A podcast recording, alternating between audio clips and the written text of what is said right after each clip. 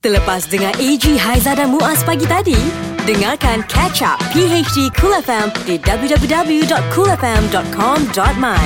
Cool FM, temanmu, muzikmu. Assalamualaikum Untuk anda yang mendengarkan kami Selamat pagi Tepat jam 6 pagi 20 Disember 2018 Kamis dah Alah hai kejap sangat lah hai Kamis eh. Hmm. Uh, kiranya minggu uh, belum minggu yang terakhir untuk tahun 2018. Belum, belum, belum. Lagi minggu Ada lagi satu tu. minggu lagi. Ya. Uh, apa-apa pun untuk anda selamat bangun pagi, uh, hirup nafas segar pagi-pagi ni. ha, Ini nampak ceria eh Ceria lah Dah hari Ha. Khamis dia ceria lah Hari Isnin oh, ya. lagi ter- teruk sangat muka Awak pernah bagi patah kan Ha. Isnin dia uh, teruk Ha, ha. uh, Hari kedua dia okey sikit Yes. Hari Selasa macam ni Dia biasa-biasa Dia memang dalam Saya ada baca satu kajian Hari Ha. Rabu memang hari yang paling produktif tau Yeah Kalau uh, kita dapat cuti hari Rabu Ya. Ha, ha. ha. Ni fakta kata Kalau kita dapat cuti hari Rabu uh, Maksudnya minggu kita akan bagus Wow ha, Jadi boleh lah Minggu kita- tu ke temu bawa ke minggu depan? Tak maksudnya dalam seminggu tu ha? Dapat Ha? cuti hari Rabu Isnin Selasa cantik Khamis Oh, oh. Jumaat cantik okey, Jom kita cuti faham. Ah. hari Rabu AG Haiza dan Muaz, gandingan baru PHD Cool FM. Eji cuti lah Ada Muaz dengan Haiza Untuk pagi hari di Cool FM Selamat pagi Pagi semua Ya. Ah, Hari Khamis memang begitu sinonim Dengan nyanyi-nyanyi karok-karok Ah, Dia bunyi dia macam ni eh Ah. Karaoke Kamis. Janganlah karaok seorang-seorang. Karaok sama dengan kami. Yeah Itu yang kita nak bagi tahu Tagline dia Karok dengan kita orang Karok okay. Okey. dalam dalam kita seorang-seorang Orang tengok nanti orang pelik Ah. Ha, ha. Tapi tak apa Tak kisah sebab orang tak dengar suara anda pun Yang penting anda luahkan lepas kan Yes. Jadi beberapa minggu ni Kita mm bawa untuk karaoke Kamis ni mm Bukan anda je menyanyi Ya. Kita bawa juga penyanyi Yang sedia ada sekarang ni Ya, betul. Dan hari ni kami bawakan kepada anda Ya, dia empunya lagu dia ni eh.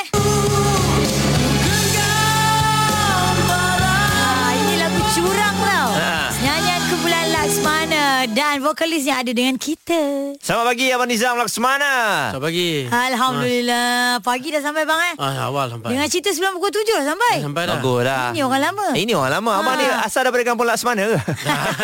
Abang. Mana Laksmana mana? mana Ah, gombak gombak eh? Gom- Selayang. Ah, Ha. Laksmana. Orang Nogori Abang kan? ni kori. Ah.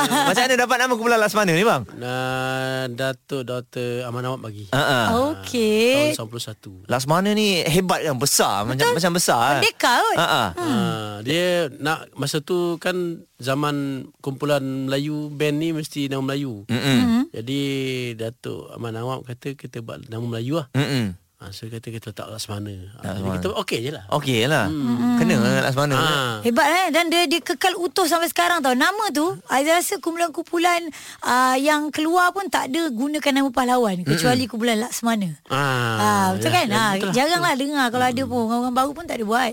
Bendahara. Oh. ada. Dia tak, tak adalah bayangkan kumpulan bendahara. Ha. Ah.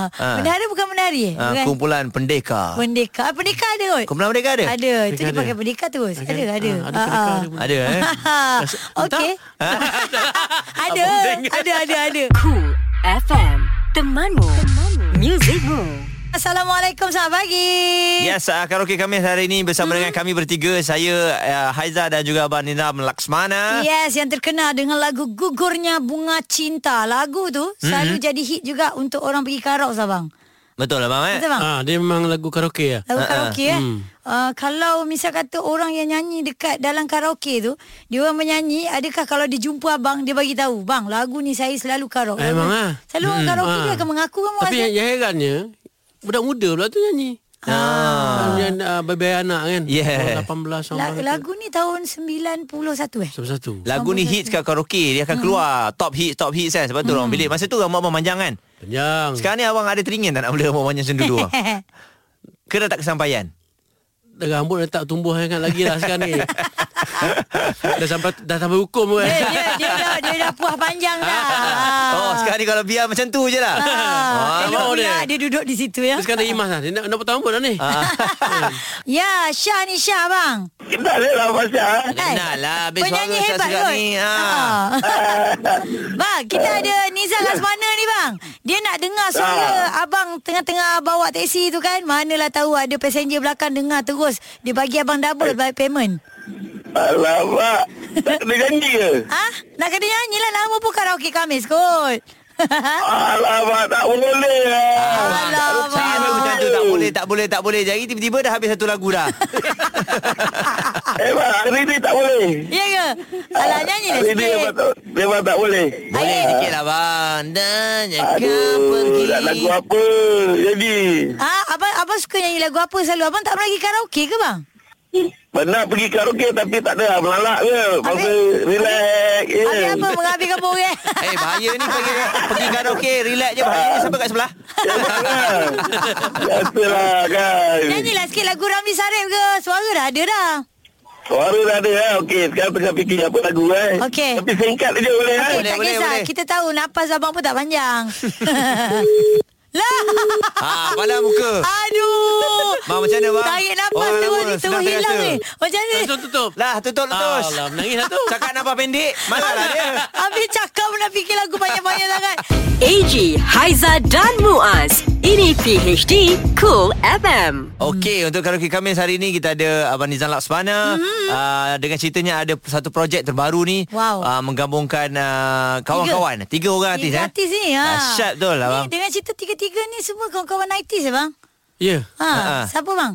Uh, Ameng Spring, okay. uh, Bagio dan Mahasutra dan Abang lah. Mm-mm. So projek ni uh, diketuai oleh Ameng Spring lah. Ha, Hmm. Dia ke toke pampel Dia je Eh, tukar dia pampel lah. Ha, Okey. dia, dia, dia bercetus idea uh, dan dia nak sangat buat. Ha ah. Ha, jadi sekarang ni tengah menunggu lagu daripada komposer lah. Mm. Okey. Boleh boleh kita tahu ke komposer yang nak buat lagu tu siapa? Setakat ni Af- uh, Ah, ah, Aspan. Asfan. Mhm. Oh, oh memang Muaz tahu eh. Ha? Pasal Muaz Sebab dia tahu, nak saya sebut tak tahu. Afgan tadi Kalau Ah. Afgan risau juga Ui Abang, lain eh, macam why Sebenarnya not, abang, why not? abang abang abang uh, confused juga. Ha, ha. Dia ni siapa? Ah, Ya, Indonesian juga. Ha.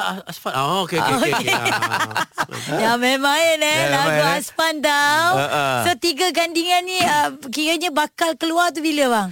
Uh, kalau target amengnya tahun depan lah Maknanya uh, awal 2019 lah hmm. Tapi bergantung pada lagu Okey. Kalau kita nak lagu ni dia mesti sama uh, Level dia uh, Sedap dia Sebab kita orang lama kan Hmm. Yelah. Jadi kita nak yang yang bagus lah Yang kualiti, Yang kualiti puas lah hati, Puas eh. hati hmm. uh, Dah sekali keluar kan Ya, betul. Hmm. Dan Ameng pun nak macam tu juga Jadi kita nak buat benda Dah cakap dengan dia Buat sampai sedap ha.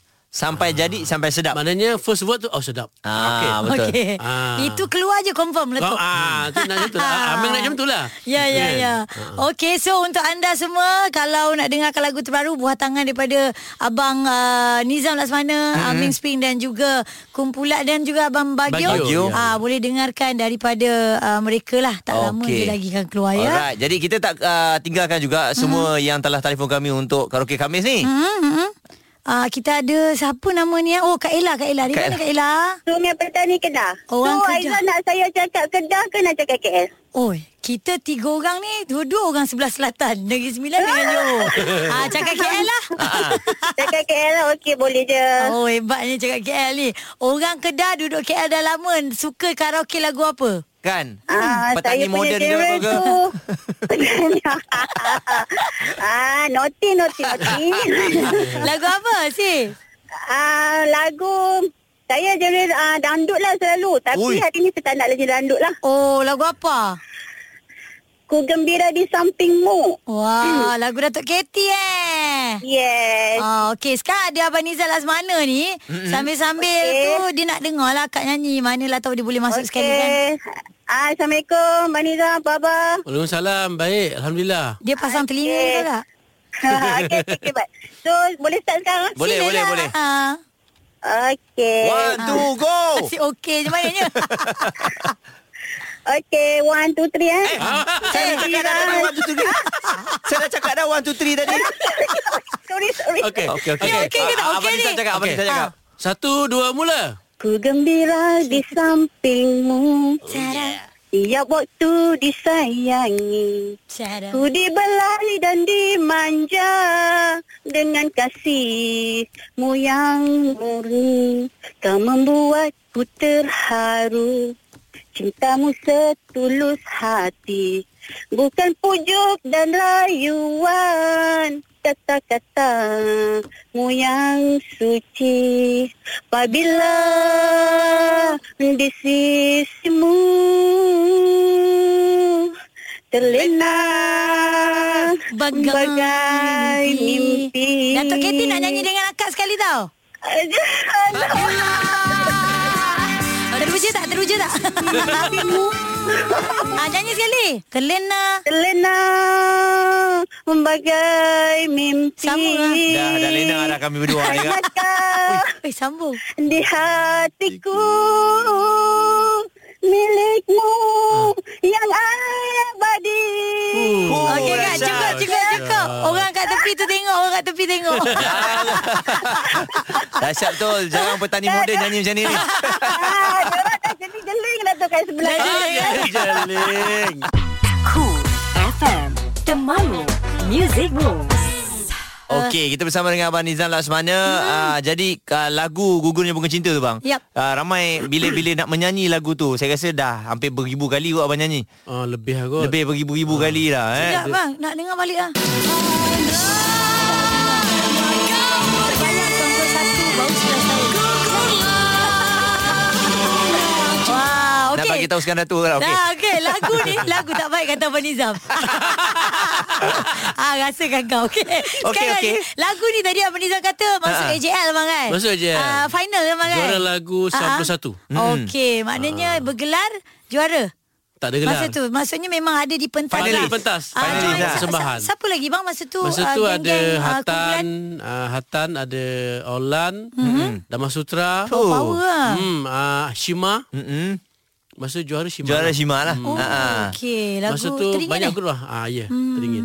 Uh, ada uh, kumpulan apa lagi? Mm-mm. Mm-mm. Wings, Ku eh? cari cahaya lagu apa? Ah, yang Lasma, ah, ni kumpulan Masa. masa, masa. Patang Isai Malam. Ah, betul lah. Masa tu ada- Maknanya waktu tu dimonopoli oleh uh, Kumpulan rock je lah. Ya, ya, ya. Ah. Kumpulan. Bang, masa tu kat backstage macam mana, macam mana bang? Bila jumpa kumpulan rock ni tak bertegur ke? Semua Eh, power-power. tegur. Oh, Mana- semua mana okey. tahu kan. Tak boleh kacau kan. Ah, tak Lu ada. rock lain, gua rock Tak lain. ada, tak ada. Okey Lu je. rock negeri sembilan, gua Johor. Melampau macam tu Ya. kan. Geng abang semua kawan lah. Semua member lah. Yeah. Tapi best lah semua Best suara lah. Ah, power-power Sebab waktu tu. kita semusim dalam fanfare kan. Yeah. Ah, jadi selalu jumpa lah. Selalu jumpa. Alright. Ini PHD Cool FM Ai, lagu ni pun sedap juga kalau pergi karaoke. Hmm. Berakhirnya satu percintaan. Tapi orang kalau pergi karaoke, orang yang tengah mood putus cinta Wan Nizam. Hmm. Selalunya dia orang katakan lagu-lagu macam ni lagi merana rasanya. ha, Tapi kita dapat luah kan. Tapi Ha. dia dia sebenarnya dia syok tu menyanyi feel tu. Ah, tak ada orang tegur, tak ada orang tegur. Ah, Itu dia, eh. yang best tu. dia menghayati ya. Dia macam abang tadi kan nyanyi tu kan. Ah. Dia uh, feel dia ada. Feel dia ada. Picture Betul, okey eh? lah. Semua semua pendengar-pendengar Cool FM semua suara power-power. Eh? Memang Sedap-sedap boleh semua. nyanyi, tak ada masalah. Eh, tapi nak tanya dengan Abang Dizam, selalu orang pergi karaoke nyanyi lagu abang. Kalau abang pergi karaoke abang nyanyi lagu Abang abang. nyanyi Korang. Lagu Ah, Abang okey. tak nyanyi lagu Lagu abang. lagu favorite abang kalau abang pergi karaoke, lagu apa abang nyanyi? Lagu slam. Oh. Contoh contoh. Ha. Ah, Seperti mimpi. Ah, itu lah dia. Oh, perkenalan itu. Ya. Yeah. Masa ketika Ah. Dahsyat Asal kau Batuk. Kau yang batuk Cool FM Temanmu Music Moves Apa kau nak ejang Sesuai dengan Abang Nizam ni ha? Orang Nogoi 9 Lagu tu pun dulu Lagu orang lama bang Lama. Bila lagu orang dah buat balik Mastera dengan Lino. Ha kan Ah. Dia buat balik Lepas tu budak-budak Dato' baru AC buat kan. Ha Lepas tu nyanyi balik Pergi karaoke pun nyanyi lagu yang sama kan? Hmm. Pokok Noe Jang. Apa kau nak ejang Okey, uh, jadi untuk anda semua bersama dengan Abang Nizam Laksmana selain daripada projek dengan ada Amin Spree Yap. dengan Abang uh, Bagio kan. Dengan ceritanya ada juga untuk uh, persembahan-persembahan amal tahun depan ni bang. InsyaAllah abang sedang um, uh, me- m- merangka dan sedang berjalan lah uh, kerja-kerja awalnya untuk buat satu showcase amal. Mm-mm. Uh, tarikh insyaAllah dalam bulan Januari Mm-mm. 2019 uh, pada uh, yang, di, yang dipilih 22 hari bulan. Mm-hmm. So dia kita nak uh, create satu community artis Sampuluhan ni untuk kerja-kerja siasat lah. Uh-uh. So Wah, kita salah akan satu kita ni yang kita nak pergi apa ni menyantuni gelandangan anak yatim, terutama anak yatim yang bukan berdaftar Mm. maknanya hmm. yang yang betul susah lah. Mm-mm. Yang kita jarang Mm. jumpa. Ya, yeah, jangan lupa. eh. Ha, Ah, itu betul, senang betul. lebih memerlukan. Jadi mm kita dah dah dah dah dah buat satu Dah kenal pasti kat Dah kena mana? pasti dan juga kita dah dah dah plankan untuk satu buat satu satu jualan meja Mm-mm. uh, untuk amal projek amal lah. Alright, so sama-samalah kita support sebab ni satu CSR, uh, Ya. yeah. satu hmm. apa niat yang sangat baik lah yeah, Ya, untuk bantu betul. mereka yang kekurangan eh. InsyaAllah, insyaAllah. Okey, baik. Kita masih lagi dalam karaoke Kamis. Ada satu lagi pemanggil. Okey. Sebelum kita dengar lagu uh, Kumpulan Lasmana ni, Ha-ha. uh, kita ada Abang Jamal ni nak nyanyi lagu Mimpi Yang Tak Sudah. ah. Wah. Apa maknanya impian datang dan pergi membawa hati menyusuri kembali jalan jalan sepi. Eh, eh, eh. Macam nak terjatuh ya. Abang, Eh, dah, abang, dah, dah, dah, dah. abang, abang tahu tak lagu ni adalah lagu Muaz selalu pergi karaoke tau. Abang Yeah. jangan berani nyanyi salah. Oh, eh, dah betul, memang Betul. betul. Ya, abang pun selalu karaoke lagu ni lah. Memang tak ada nombor lain abang tekan. Memang dua-dua-dua. Ya, ya, ya. Ya ya ya ya. Sama je. Ini lagu cari makan bang. Mau kahwin bang nyanyi lagu ni kan? Ya Betul. ya ya ya. ya. Eh, Betul, betul, betul, betul, betul. Ah, abang Niza, abang Niza nak cakap apa-apa ke dengan abang Jamal ni? Eh, nak tanya dengan Abang Nizam sikit boleh? Ah, tanya boleh? lah, tanya. Ya ya ya ya. Ah, Laksmana ni masih orang lama ataupun dia dah, dah ambil uh, intake baru? Oh, intake Ah, macam dia- universiti. dia- Orang lama, orang lama. Masih lagi Orang sama. lama eh? Oh, sama. format je Yang- format lama kan lah. Ah, masih masih Orang asli lama. lagi. Masih asli lagi. Abang ni kelakar lah. Ya ya ya. Sebab dulu-dulu, Ah. masa saya join band dulu kan, Ah. Ya, ada band. pe- pergi function, Ah. Ha. Nyanyi lagu orang laksana. kahwin ke stage show ke, memang memang main lagu ni salah satunya. Ah. Oh, baik abang. Ki sama tak bang? Eh, Ki sama. Oh, dahsyat. Dia, dia pakai imai, dia pakai imai tu. Eh, mana? Power dia Kalau nak. disebut ki, eh, mana betul lah tu? Aduh, Betul lah tu. memang, memang, Dapat betul, betul. daun-daun lah. Ah, main main ke? Nama band, nama band dulu band apa? Ha? Nama band tu. Kita orang dulu band kita kutip je. Ha, Kutip-kutip.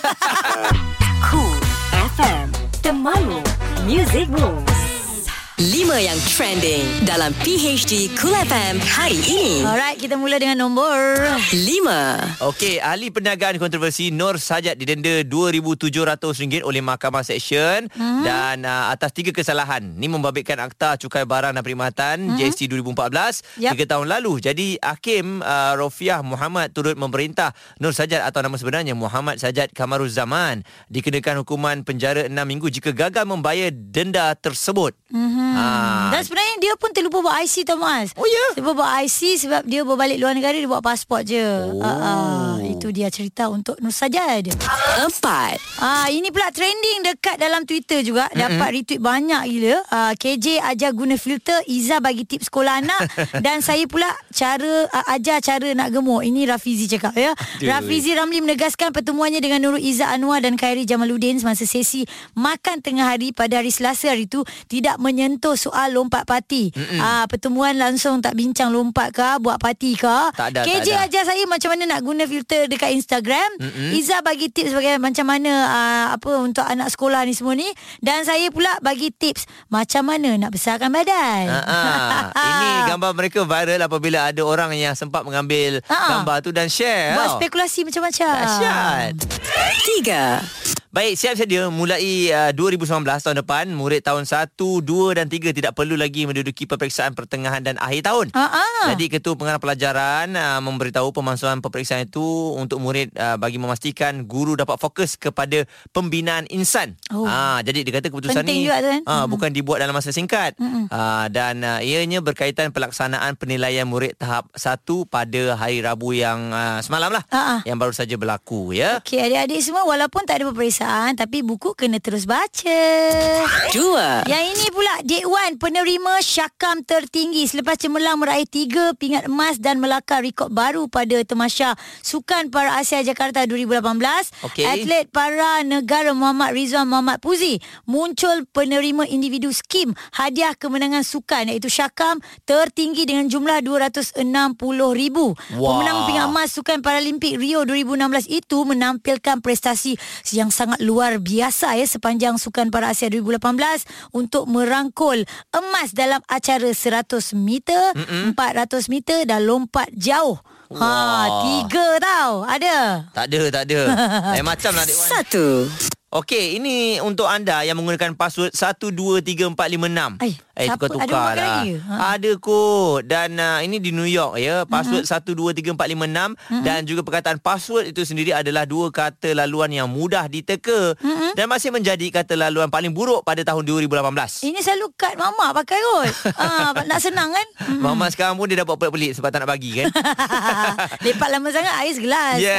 Ah. Jadi senarai ini berdasarkan analisis daripada 5 juta kata laluan yang bocor di internet mm-hmm. dan senarai kata laluan sering digunakan pada tahun yang mudah diteka. Mm-hmm. Jadi selain daripada 1 2 3 4 5 6 ni, Ha? uh, perkataan 1 1 1 no, ini nombor eh, Ha. 1 6 kali sunshine, princess, 6 6 6, 6 5 4 3 2 1 itu antara yang popular. Okey, so anda boleh kena tukar password lah eh, dan password kena tukar sekerap mungkin tau. Yes. Untuk mengelakkan akaun anda dihacked. Jangan sampai lupa pula password. Ah, macam kena ke aku je.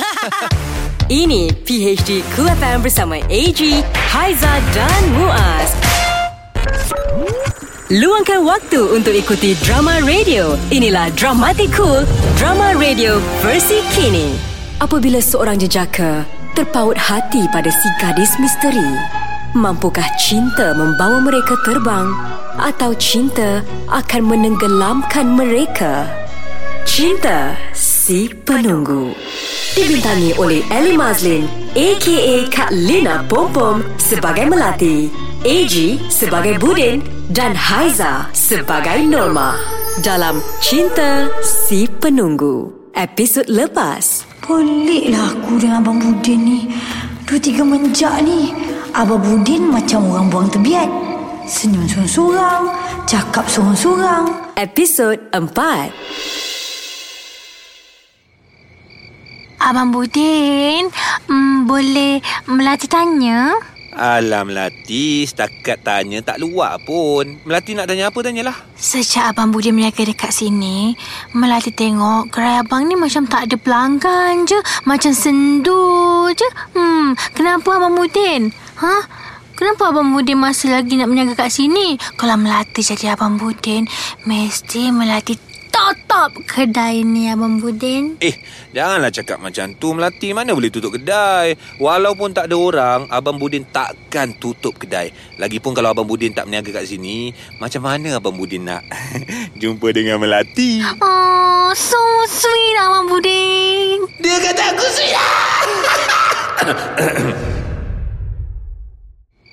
Dari tadi aku mengintai Abang Budin Dari tadi jugalah aku nampak Abang Budin ni cakap sorang-sorang Eh dia ni memang dah terbiak lah Kenapa lah dia ni Tak puas hati lah macam ni Melati? Hmm. Uh, boleh tak Abang Budin nak minta nombor telefon Melati? Yelah, takut apa-apa hal nanti. Kan senang. Alah, Melati tak pakai phone. Eh, biar betul Melati ni Mana ada orang tak pakai phone lagi zaman sekarang ni Handphone tu kan dah macam nyawa tau Jangan-jangan Melati tak nak bagi nombor kat Abang Budin eh Alah, bukan macam tu. Sebenarnya, Melati memang tak pakai phone. Sejak handphone Melati rosak, ah kecil. Oh, uh, ni Melati ada Facebook tak? Instagram ke? TikTok ke? Melati tak ada semua tu. Wah, apa benda Melati ni?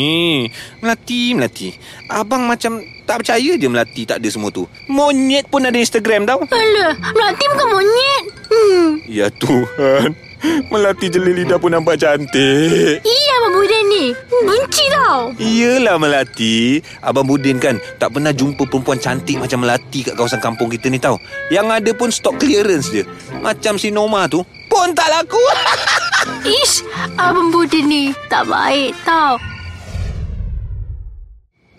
Tak guna punya Abang Budin Dah lah cakap sorang-sorang Dia boleh pula cakap muka aku macam stock clearance Apa? Ha? Dia ingat aku tak laku sangat ke? Ha? Melampau betul Abang Budin ni Aku tahulah aku ada buat salah kat dia Tapi janganlah layan aku macam ni Hi, nak kena dia ni ha? Ha? Ha? Alah Melati Buat susah-susah je tolong Abang Budin Tutup kedai malam ni Alah, tak susah pun Abang Budin. Eh Melati sekarang ni Dah dekat pukul 1 pagi tau apa kata uh, Abang Budin hantar Melati balik? Eh? Tak payahlah Abang Budin. Melati boleh balik sendiri. Eh, no, no, no, no, no, no, no, no, no. Abang Budin tak izinkan Melati balik jalan kaki seorang-seorang. Wah, wah, wah. Sejak bila pula Melati kena minta izin Abang Budin? Feeling Abang Budin ni tau. Alah Melati, jomlah. lah, Abang Budin teman. Abang Budin hantarlah. Abang Budin, Abang Budin. Hmm. Perlahanlah sikit. Melati takut. Eh, sorry, sorry, sorry. Laju sangat eh Abang Budin bawa motor. Okey, Abang Budin bawa slow-slow. Hmm, macam tu lah. Abang Budin, Abang Budin. Mati, mati. Hmm, dah sampai pun. Um, Abang Budin, terima kasih tau sebab hantar Melati balik. Sini. Hmm, Mana ada rumah kat sini Melati? Abang Budin tak nampak rumah pun. rumah Melati kat hujung lorong kecil tu. Kalau abang nak tahulah. Lah, habis tu kenapa suruh Abang Budin berhenti kat sini? Biarlah Abang Budin hantar Melati sampai depan rumah tu. Hmm? Mm-mm. Mm? Tak payah, abang. Mm, sampai sini pun tak apa. Kenapa? Kenapa Melati tak bagi Abang Budin hantar sampai depan rumah? Um, sebenarnya macam ni. Um, bapak Melati karang. Nanti tak pasal-pasal Melati kena marah pula kalau dia nampak lelaki hantar Melati balik. Lagipun, Melati tipu bapak. Selama ni, Melati cakap Melati keluar malam pergi belajar menjahit. Baju kebaya untuk ampang next top model. Oh, macam tu. Tak apa cakap dengan bapak, abang yang ajar menjahit. Hihi. Okey, kita lah, dah lah. Dah balik, balik. Pergi balik, pergi balik. Norma tak puas hati dengan Melati, betul ke? Dengarkan episod seterusnya. PHD Cool FM bersama AG, Haiza dan Muaz. PHD 3 2 1 Tiga ciri orang pakai kasut baru. 3 Hai, hujan, hujan, hujan. Ah, eh, eh, ah, tolong, tolong, tolong, tolong, tolong. Payung, payung, payung. kat Ada, saya, ada, ada, ada, ada. Payung, payung, payung, payung, payung, payung, payung, payung. Hai. Eh, kenapa awak tak masuk dalam payung? Ah, Tak apalah, cukuplah kasut baru saya dalam payung. Amboi, awak pentingkan kasut daripada saya.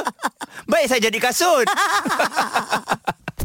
2 Aku sebenarnya ada banyak kasut-kasut baru. Wah. Tapi aku tak suka pakai kasut sangat lah. Eh, Hmm. Eliana ke? Bagaikan diriku tapak Sulaiman 1 wow, berkilat-kilat ni baru ke? Biasalah, orang kaya.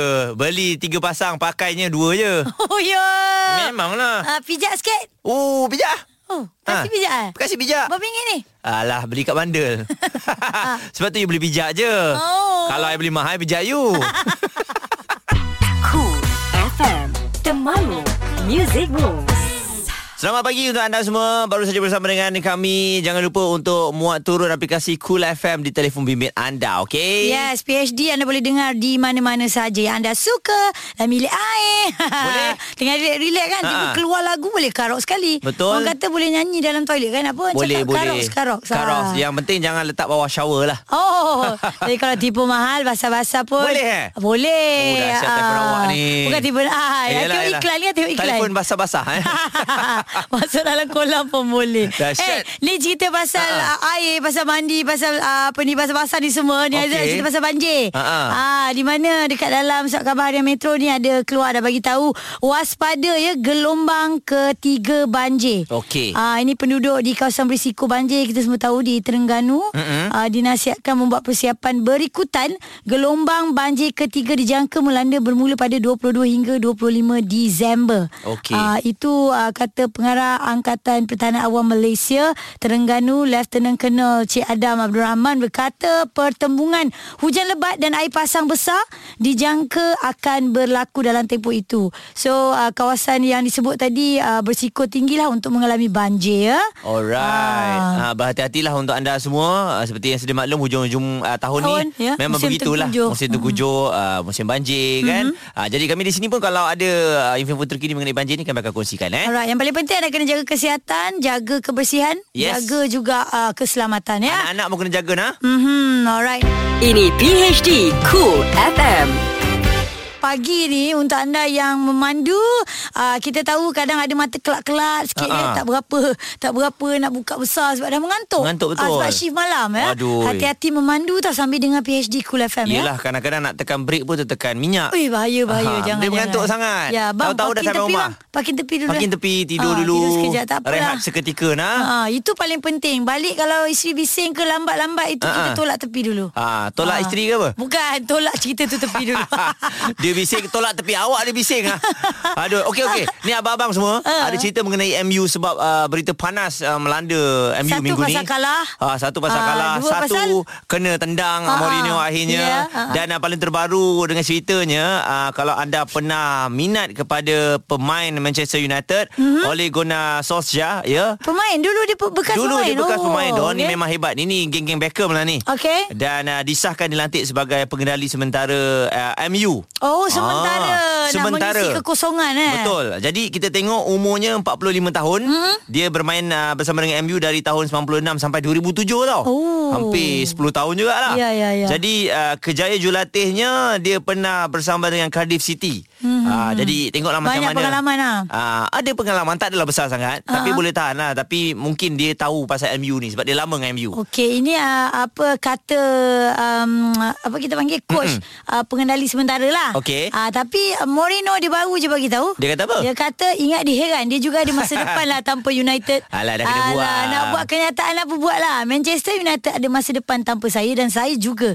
ada masa depan tanpa United tahu. Ah, ah. Kenapa saya perlu berkongsi perasaan saya walaupun dengan penyokong? Dia ni memang belagak.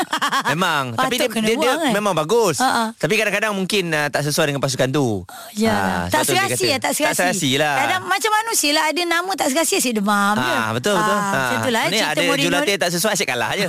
Ah, Inilah dia. Ya tak ya juga ah. ah faham faham faham. So untuk anda peminat MU kita harapkan dengan adanya coach sementara ini ah, boleh bangkitkan semulalah ah, MU tu ke arah yang lebih berjaya Menang, ya. menang dan menang. Okey. Insyaallah insyaallah insyaallah. Cool FM temanmu music room. Untuk peminat-peminat dramatik cool cinta si penunggu ya. Uh, kita pinjam suara ada AG, ada Eli Mazlin dan juga Haiza dalam tu anda boleh dengarkan hari ini episod yang seterusnya apa pula yang terjadi kepada abang Budin tu Aduh, ya. kurang sikit lah sebab tak ada suara seorang lagi tu. Ah. apa? Ya, jadi penunggu juga. Aduh. Yelah cuti kan Siapa suruh cuti Ah, Tak tak apalah apalah. Nanti kita suruh lah Script writer tu buat satu watak Saya akan berlakon Next, dramatik next. Oh. yang box office lah. box office ke atas. Yang biasa-biasa I tak join lah. Tak apa nantikan okey cerita tu untuk episod yang seterusnya. Okey bersama kami PhD Kul FM. Ada lagi story menarik ni kalau Sila sok khabar. Aduh Mm-mm. pagi-pagi pun best juga ni. Hmm. Betul Ah. lah. Antaranya cerita mengenai uh, tango. Ya? Tango? Tango Menari ni. tango? Uh, mena- bukan menari tango. Dia, Dia, dia seekor kuda. Oh Ah. okey. Nama ha. seekor kuda ha. uh, di uh, Carolina ya ragam tenggo ni nampaknya semakin popular dan uh, suka ramai yang suka tengok. Mhm. Mm-hmm. Sebab apa tenggo ni dia tak nak duduk kat dalam bangsal. Dia ada bangsal dia. Tempat Okey. dia duduk lah. Tempat dia duduk. Dan uh, dia lebih rela duduk di luar dan akan pura-pura uh, mati. Eh, Ah. kenapa dia tak nak duduk dalam bangsal tu? Dia ni mungkin lah suka lepak-lepak luar lah. Kan ada orang yang tak suka Ah, ini rumah. Romeo ni Romeo. Asyik lepak mamak je Kurang Ni macam kena ni lah. kopi, kena Ah, Kena kopi. kopi Jadi Ah. Tenggo ni sanggup uh, Kalau musim salji Musim hujan Dia lebih suka duduk kat luar Daripada Ah. duduk kat bangsal dia Wow, ini lain macam sikit lah uh, kuda yang bernama Tenggo ni eh. Betul Ah, ah. Jadi uh, gambar dia berjaya dirakamkan uh, Kerana dia kerap uh, Pura-pura tidur Ataupun uh, tidak bernyawa konon-kononnya Bayangkan dia baring kaki dia ke atas Boleh pula buat-buat pensan. Ya. Ah. Ah, jadi tuan dia pun uh, pening akhirnya berjaya jugalah bawa masuk uh, Tenggo ni ke dalam uh, bangsal Ha? dan dia memang marah kerana dia dikurung. Saya rasa dia suka bebas kot. Tenggo awak kena faham Awak tu kuda Yelah. Mahal tau Ha, ha. ha, Jadi bila tuan suruh masuk Kat dalam kandang tu Masuk Mm-mm. lah ya Tapi dia tak faham lah Kita cakap Ah, ni itulah baru nak cakap tadi. Cakap macam uh, dia dengar je nak saya faham. Aduh. Kadang-kadang kita nak agak bercakap dengan kuda ya Mm-mm. ha, Tidur di kandang kuda lah Ah, tidur di kanan kuda ya. ada lagi tidur di kanan kuda tak ada, Ada lah kot. cerita piramli ada? Yelah sekarang dah tak ada. ha, Kalau merajuk-merajuk boleh lah kot bawa Rajuk-rajuk diri. balik rumah mak ya lah kot. Eh, betul kan? Balik rumah mak Paling kan? jauh Ha? Paling jauh Paling jauh mama uh, Paling dekat uh, Rumah kawan-kawan Najib Mangsa Hello bang balik eh Jangan maju eh Ini PHD Cool FM bersama AG, Haiza dan Muaz. Pagi hari di Cool FM Untuk anda dengan kita ada yang sambut birthday ke hari ni Ada Selamat Aha. hari jadi ya, ah, Dengan ceritanya ada Tim nak main golf hari ni Wow Hmm, ah, Kan ah, Main Pagi golf dah keluar bang eh Memanglah biasalah cakap dengan isteri Ni nak main golf ni Dengan kawan-kawan semua Tapi tahu tak Sebiji bola Ah. golf tu ada berapa lekuk dia Eh banyak kot Ah. Tak terfikir pula saya Nampak I ni walaupun tak main golf Tapi I ambil tahu pasal golf oh, Okay. ya. Bukan you baca ke? I tak, tak I ambil tahu ni Okey. Sebiji bola Berapa- golf ni berapa lekuk dia? Ada 336 lekuk Eh banyak eh Banyak. Mesti ada fungsi tau Itu bukan saja-saja dibuat Ah, mungkin jugalah. Hmm. Tapi kepada abang-abang semua lagi bolehlah belagak sikit dengan kawan. Sebab apa? Oh Sebab tanya bagi tahu soalan lah, ni Bagi tanya, tanya soalan ni. Berapa lekuk dekat bola golf? Yeah. Apa jawapan dia apa tadi? 336. 336. Nampak bijak sebelum main golf. Ya, jangan Ah, pandai ah. pegang kayu golf, pukul je eh. Yes. Ah, bola tu pun kena kaji juga. Ha ah. Jangan tengok Kelas. Oh. ya. KD je. bahaya, bahaya, bahaya. Cool FM Temanmu Musicmu Pagi hari di Kul FM Untuk anda yang mendengarkan kami Kalau ada di luar kawasan Ha? frekuensi Boleh je dengar melalui kulfm.com.my Agak-agaknya kat mana direction anda tu nak pergi mana? Ah, uh, Wes tunjuk kat mana eh? Apa? Wes tunjuk ke mana? Ha, Ke depan tasik. Janganlah masuk tasik. Habis dah Wes kata depan? depan. Ah, tak update lah tu. Ah. Ah. Ada jalan baru kan? Okey. Jadi uh, untuk anda uh, bila sebut mengenai mural ni, Ah. Ya. uh, Haiza dulu pernah tak uh, sekolah? Ah, kat sekolah buat mural. Ada. Ah. Tumpah-tumpah conteng lah. Ah, Betul, kita sama. Tangan tak seni. Selalunya tangan-tangan seni ni buat mural cantik je kan. Oh, kan uh, dia lembut, Lembut kan? dia. Buat apa je tu jadi. Orang dia pun lembut eh.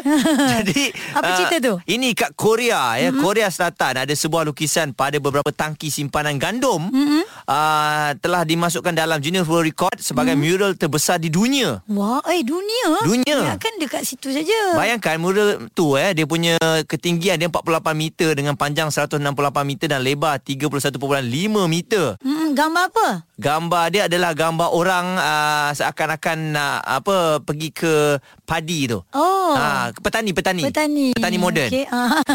Ah. Alright. Ah. ha. So dia lukis uh, ini mesti ambil masa yang lama kot sebab kalau dah besar macam tu, lepas tu yang paling uh, dapat diiktiraf di dunia pula kan? Yes. Hmm. Ha, jadi dia punya costnya lebih kurang dalam 487 ribu dolar. Hmm. Ui. US dollar tau. Hmm. Ha, jadi menampilkan dewasa uh, ada seorang budak lelaki sehingga dewasa hmm. menampilkan empat musim iaitu musim uh, panas, uh, luruh dan juga musim sejuk lah. Okey. Si bunga. Nak tengok sekejap dia dalam surat khabar eh? Ha, ha. Ah, wow besarnya. Ha, ha. So kalau anda semua nak tengok anda boleh dapatkanlah paper hari ni. Mm-hmm. Mesti ada dikongsikan ataupun anda Google je.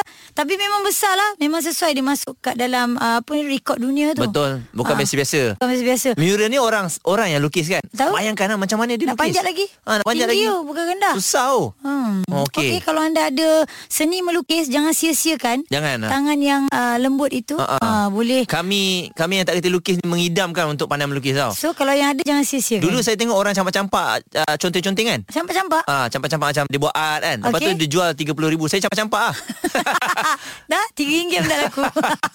Tak jadi lah campak-campak tu Aduh, memang tak boleh lah. PHD Cool FM bersama AG, Haiza dan Muaz.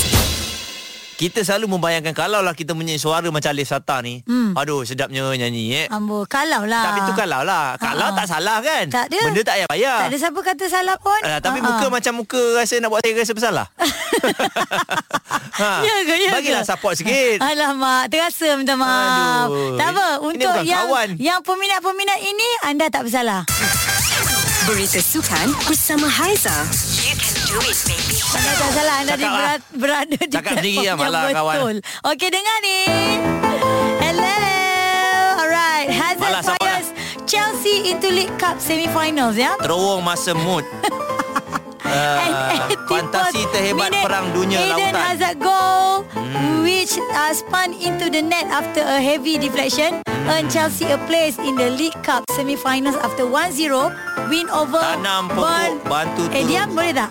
Ah, Chelsea had uh, bounced around the Bournemouth goal for much of the game but it was not until substitute Hazard Hazard kept Aduh Cek, kacau cek. ah. Amalan budaya terpuji dalam masyarakat. Ah, bagus. ni. English please Ha? English Ah, tak nak kawan dengan you, you kutuk I. Cakap seorang-seorang siapa nak layan. Hey. Amalan bersalam-salaman merupakan contoh simbol hormat menghormati. Wow This is berita sukan you know I don't care, betul sukan. Cool FM. Temanmu. Musicmu. Okey, Hmm. uh, untuk anda semua, uh, ada lagi tak guna telefon rumah? Telefon rumah? Telefon rumah ada lagi? Yang Ah. ganggang kering kering kering telefon berbunyi ring ring ring. Ada, ada. Masih Ada? ada. lah. Tapi tak ramai kot sebab dia orang lebih selesa dengan telefon bimbit. Okey, hmm. telefon kat rumah anda tu biasa-biasa. Tapi ada tak telefon yang dia punya ganggang dia lobster? Ha? Lah, Aku pernah jumpa pisang. Ha-ha. Ganggang ada pisang. Ha, Iya ke? Ada. Siapa tu? Ada orang jual-jual dekat kedai-kedai ni kan dia orang nak fancy-fancy kan. Ah. Ha. Ini apa? Lobster? Eh, lobster ni kat Scotland tau. Ada satu ukiran unik berbentuk lobster untuk sarung ganggang telefon. Okey. Berjaya diselamatkan daripada dijual ke negara lain. Wow. Selepas kerajaan Britain membekukan sementara ekspor hasil seni tersebut. Wow. Jadi, pandai bijak-bijak. Dengan ceritanya bidaan tertinggi dia sampai 850 pound sterling lah. Weh. Lebih kurang dalam 4.5 juta duit kita. Telefon tu. Telefon tu, ganggang tu je. Lobster tu. Ni lobster laut dalam kan? Dia ni sebenarnya uh, diukir oleh pengukir yang sangat popular lah ya. Okey. Salvador Dali. Uh, hmm. Dan uh, dia dah ukir dah lama dah benda ni. Hmm. Sebab tu orang nak jaga supaya hasil ni jangan terkeluar lah hasil Ini- seni ni. Ini bahaya ni kan Orang ingat angkat telefon tak bercakap Tengah makan lobster ya Ah, Macam ni punya cantik takutlah nak guna telefon. Kan aduh Tapi tapi kalau cerita pasal telefon Mas mm. Bila ada telefon rumah dulu Lepas tu kat depan rumah Ada telefon uh, Apa ni public Awam, phone ah. Lepas tu kita macam first time kan Tak tahu kan Mm-mm. Lepas tu cakap eh, kau, kau pergi tel- telefon rumah Okey aku lari kat depan Mm-mm. Pakai telefon ba- Apa pondok tu kita dial Hello telefon rumah Ah, ah. Kawan pun angkat Kakak angkat Hello Eh dengarlah dengarlah suara Ha ah, Ah, yalah, hebat malah kan? nak cakap orang kampung kan. Eh kau ber- berkotak kat dengan aku eh Aku lapar Ini PHD Cool FM. Selamat datang ke ibu kota Kuala Lumpur Untuk anda yang baru sampai Dengar je kita tengah bercakap ni Ada Haiza dan juga Muaz Ada. Ini adalah PHD Cool FM 101.3 FM Okey, tadi kami sempat uh, borak-borak pasal telefon lah Ha, kan. dulu-dulu kan? Sebab dulu-dulu punya Sebab telefon. tadi Muaz buka cerita pasal telefon Ganggang ganggang dia pakai lobster Ha, ha, Bila cerita pasal telefon je Ria pun terbuka cerita kan Okey.